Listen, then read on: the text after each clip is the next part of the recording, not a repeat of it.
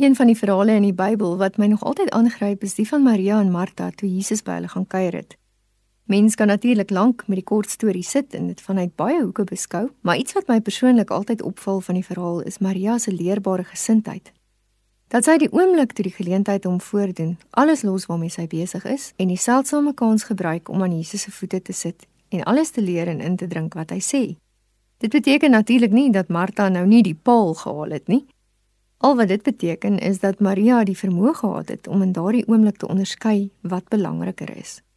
En dan sê Jesus dit self. Maria het die beste deel gekies en dit sal nie van haar weggeneem word nie. Om 'n leerbare gees te hê is 'n ononderhandelbare eienskap op ons geloofspad.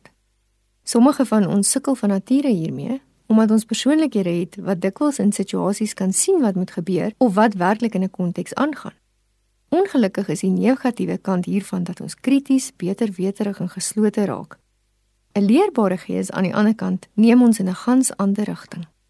'n leerbare gees vra nie dat ek sal dink ek het al die antwoorde nie. Dat ek juis meer vra vra as antwoorde gee.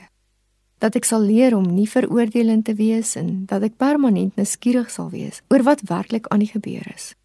Dit vra dat ek in situasies sal leer onderskei tussen die waarheid en dit wat ek wou gehad het.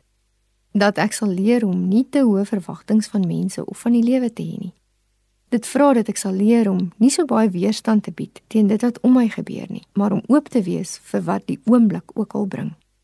Dit vra dat ek, soos 'n mens in Engels sou sê, met 'n inquisitive mind sal leef en dat ek elke dag voorbegin en maar altyd weer 'n beginner sal wees.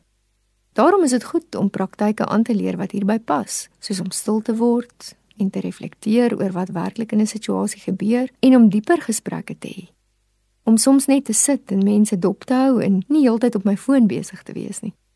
Om te leer om nie te vinnig opinies te vorm nie en om twee keer meer te luister as wat ek praat. Om te vra waar God in 'n situasie is, selfs al sukkel ek om hom te sien.